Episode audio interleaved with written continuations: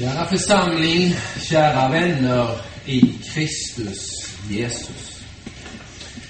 Idag så läser vi hos Lukas att människor stod vid korset och såg på. Det stod alltså att människor vid korset stod nedanför och såg vad som skedde. Vad var det de såg? Var det en avrättningsplats som alla andra? Nej. De såg det största av alla under som någonsin har skett. Nämligen att Kristus dör. Eller att Gud själv dör. Det tragiska denna dag på Golgata, det var att må många människor såg vad som skedde utan att verkligen se det. Det står i en sång som vi ibland sjunger. En blick på den korsfäste livet mig ger. Se, se och liv. Den gammaltestamentlige prästen hade alltid intill detta år vid försoningsdagen gått bakom förlåten i templet, burit fram försoningsoffret av kalvar och bockar, först för sina egna synder och sedan för folkets. På så sätt så kunde Guds egendomsfolk leva vidare ett år i taget. Längre räckte inte den gamla försoningen och synderna fanns kvar. Men detta år, 33, i Jerusalem, så läser vi att förlåten rämnade. Ända uppifrån och ner. Den stängda vägen var öppen, eller öppnades.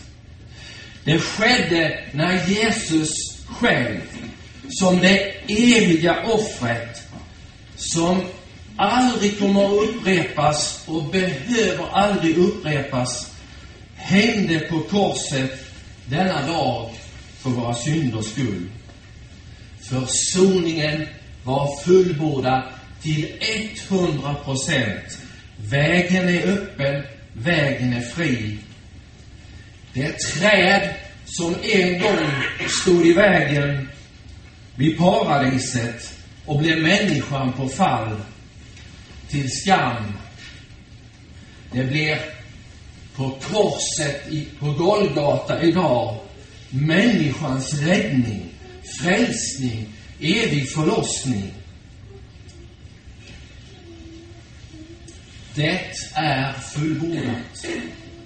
Låt oss nu, kära vänner, i Kristus Jesus stanna vid Jesu sju ord på korset. De som han säger till hela mänskligheten, till var och en av oss som är samlade här denna långfredags morgon. Det första ordet som Jesus säger, det är Fader, förlåt dem, ty de vet inte vad de gör. Vi har kommit till förlåtelsens plats, korset. Vem eller vilka är det som nu Herren Jesus ber för? Är det soldaterna som hade stuckit hål i hans sida och slagit honom? Är det bödlarna som torterade honom? Är det dem han ber för? Är det Pilatus? Denne enfaldige stackare som trodde han hade ett rike, men mötte Herre Jesus som hade ett rike som var oändligt mycket större, fastän det inte såg ut så med ögonen. Eller var det de judiska ledarna som hade kommit överens om att mörda honom, som nu står vid korset och ropar ut sin avsky? Även de hade tillgång till de heliga skrifterna de hade läst om Herrens lidande tjänare i Jesaja. det som nu händer är att det skapade våld för sig på härlighetens Herre. Det som sker kräver förlåtelse också för dem som ser på. Evangelisten Johannes han skriver om Jesus att han kom till sitt eget, men hans egna tog inte emot honom. Vilka är det då som Jesus säger detta om? Fader förlåt dem, ty de vet inte vad de gör. Det var alla vi. Det var vi. Det var vår synd som korsfäste Herren Jesus upp på korsets träd. Ingen undantag. Det var det, de synderna från Adam till den sista människan som tvingade Jesus upp på korset. Paulus säger, Gud bevisar sin kärlek till oss när Kristus dog i vårt ställe medan vi ännu var syndare. Då kan vi sjunga den första versen på 951.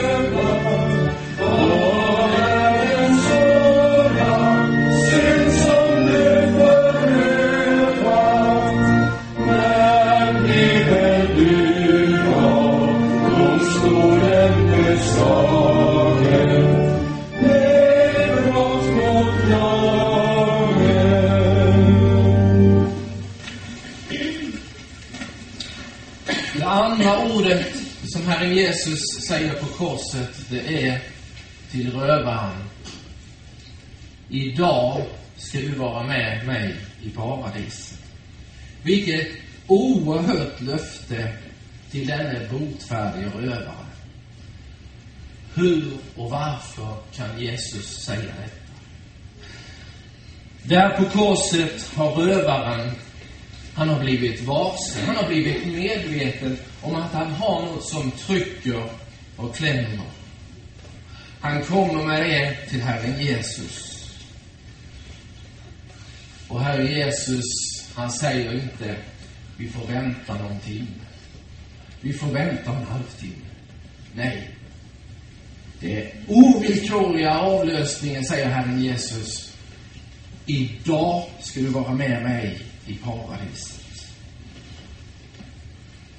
Med dessa ord, som också rövaren säger när han innan har sagt Tänk på mig när du kommer i ditt rike. Bevisar denne rövare vilken stor människa han är. Och han pe- det stora med rövaren är att han pekar på Herren Jesus. Och han vet att han har kraft att frikänna och frilösa, lösa fri den största av alla syndare. Här sker undret. Och du och jag, vi kan gärna byta plats där med rövaren. För vi är precis likadana.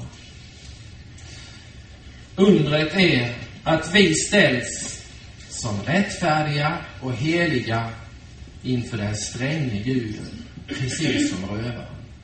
Men hur är detta möjligt? Vi läser Gud var i Kristus och försonade världen med sig själv i det han inte tillräknar människorna deras synder. Detta, mina vänner, det är det största av alla under. Och detta under får nu sin fulla giltighet. När Jesus vid nionde timmen ger upp andan och säger det är fullbordat. Din börda från axlarna blir avlyft. Du blir fri från allt som tynger, plagar och förskräcker. Sannerligen säger jag dig, idag ska du vara med mig i paradiset. När vi ser de här tre korsen så ser vi egentligen hela frälsningshistorien i ett litet nötskal. Det mellersta korset här, det är det viktigaste. Men de två kors, andra korsen på den högra och vänstra sidan, de har också väldigt mycket att säga oss. De två rövarna, de visar på hur människor förhåller sig till frälsningserbjudandet. Jesus han säger inte till bara få, kom till mig. Utan han säger till alla människor, kom. En av rövaren, rövarna tar emot räddningen. Den andra tror inte, utan dör i sin otro. Här är det inte fråga om onda och goda, utan vi är alla rövare. Somliga rövare tror och blir rädda. Andra rövare tror inte, utan dör i sin otro. Det är sanningen om de tre korsen. Så sjunger vi vers 2.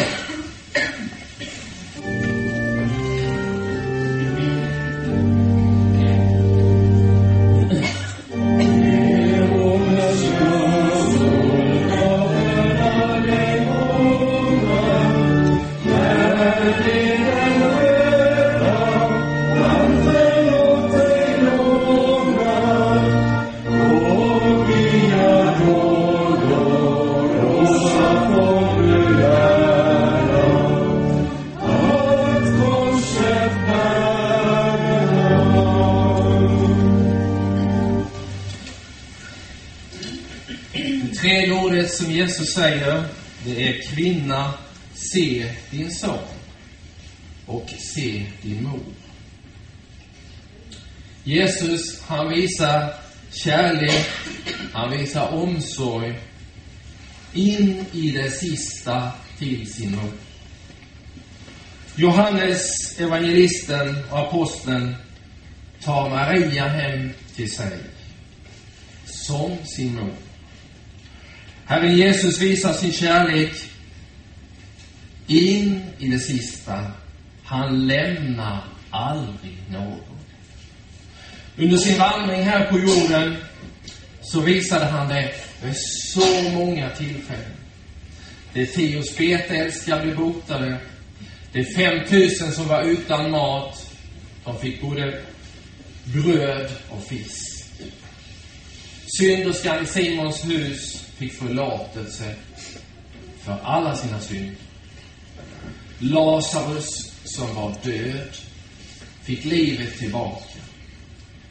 Han sörjer för oss, som det står, rikligen och dagligen. Och det visar han in i sin dödsstund. Han begär inte hjälp, vare sig av sin mor Maria eller evangelisten Johannes. Utan i denna stund, när det skulle vara tvärtom, så tänker han på det. Jesus skäms inte för sin släkt eller sina vänner, fastän de inte på något sätt kunde hjälpa honom.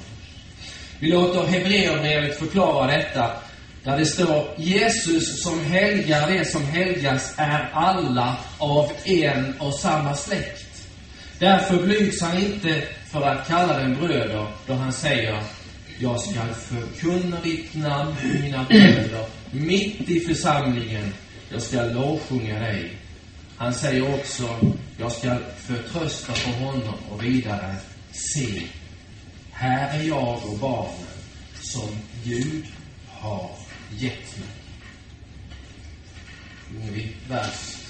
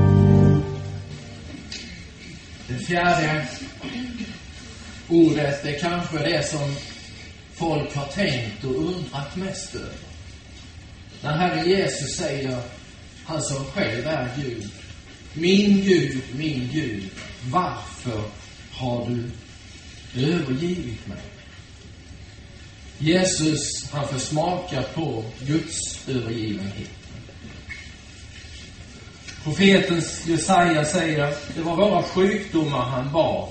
Han var genomborrad för våra överträdelsers skull, slagen för våra missgärningars skull. Straffet var lagt på honom för att vi skulle få frid. I denna stund ropar Herren Jesus, min Gud, min Gud, varför har du övergivit mig? Luther, han säger de välkända orden, Gud, övergiven av Gud. Vem kan fatta det? På korset upplever Jesus det yttersta och svåraste lidandet. Nämligen det att vara skild från Gud. Vi kan med vårt mänskliga förnuft och förstånd inte fattar detta. Vi kan bara i tro ta emot detta. Paulus hjälper oss. Den som inte visste av synd, honom har Gud gjort till synd i vårt ställe. För att vi skulle stå som rättfärdiga inför Gud. Det var nödvändigt. I annat fall hade det aldrig gått. Och vi hade inte suttit här. När Jesus i sitt avskedstal samtalar med sina lärjungar så säger han att ensamheten och övergivenheten aldrig någonsin ska drabba dem. Och det är ett ord också till oss. Vad säger Herre Jesus? Vilket trösteord ger han oss? Jag ska inte lämna er faderlösa.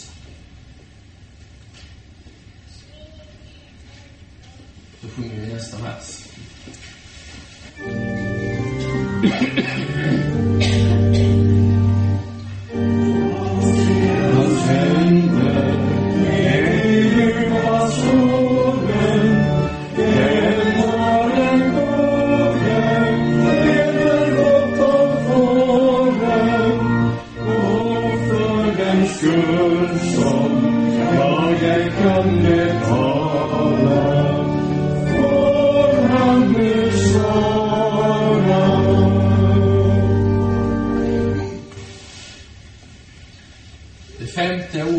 Ganska kort.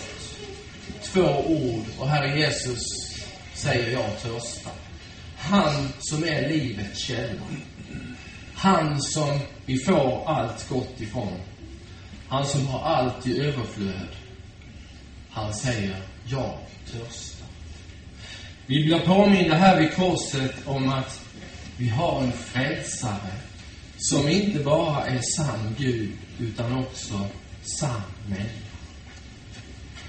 Han var trött på samma sätt som vi är trötta.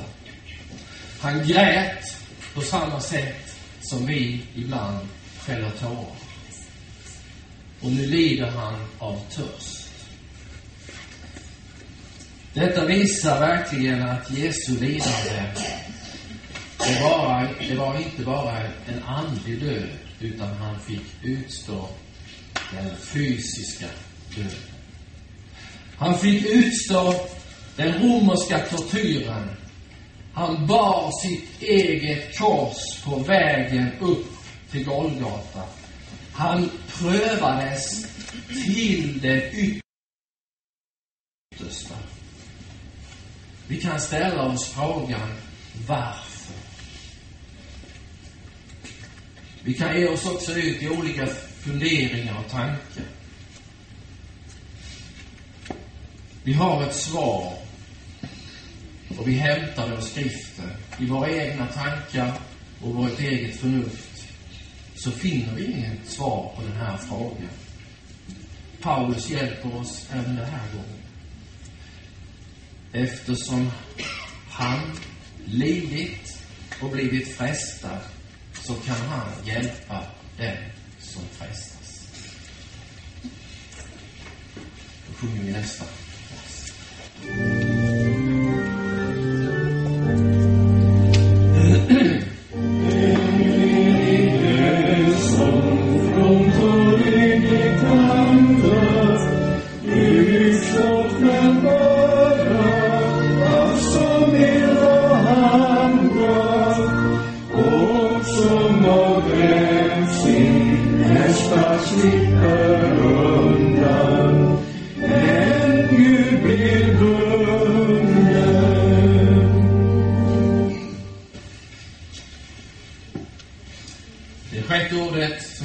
säger på korset.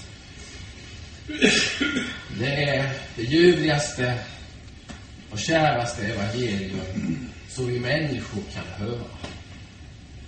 Han säger det är fullbordat. Det är klart. Det är färdigt. Ingenting återstår. Allt är fullbordat på korset.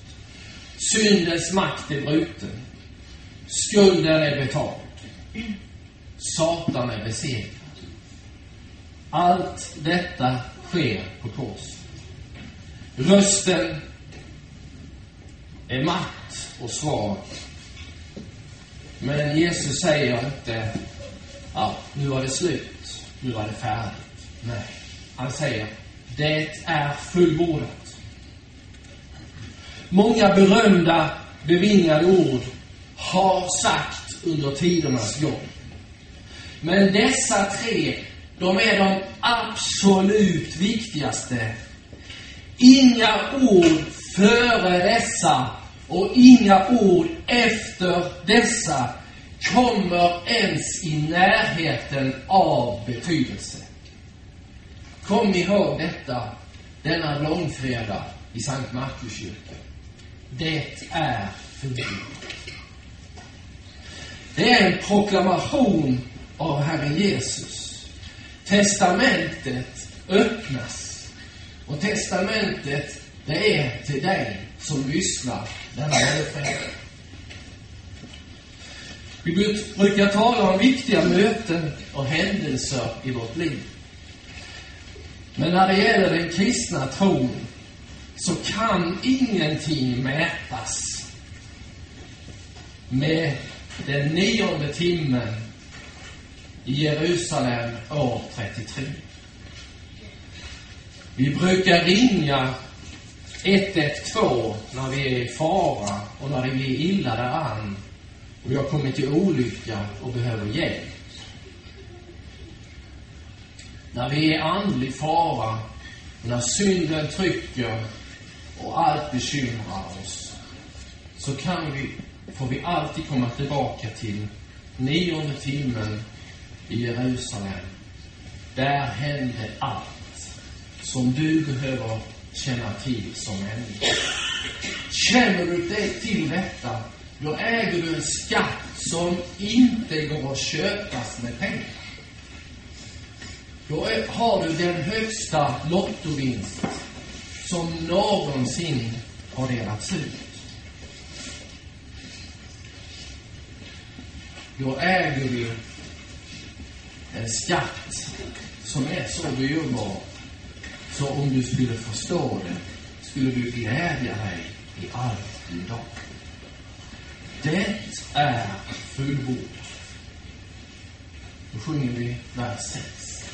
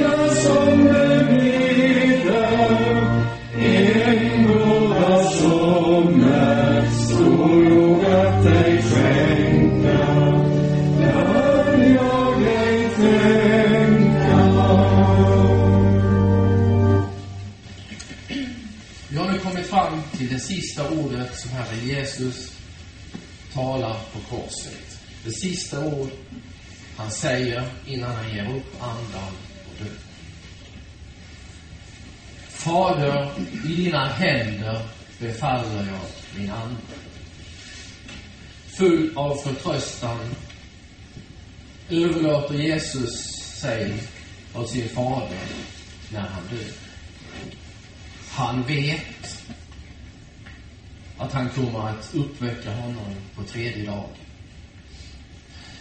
Orden som Jesus uttalar, Fader i dina händer befaller i min ande, det är ett direkt citat från Psaltaren 31. Det är en vanlig aftonbön i de judiska hemmen. Och säkert hade Herren Jesus redan som barn läst detta på kvällen. Fader, i dina händer befaller jag min ande. Nu får han göra det i sin sista stund. Jesus har slutfört sitt uppdrag. Detta blir hans sista aftonbön. Han ger upp andan. Kära vänner i Kristus, ni som har kommit hit denna dag. Vi har varit en stund vid korset.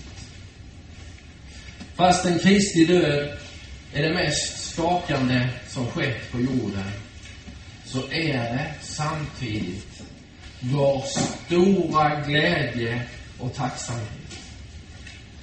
Därför att Kristus dog, övergiven på korset, behöver ingen av oss dö. Ingen av oss dör den eviga döden. Ingen av oss blir övergiven av Gud.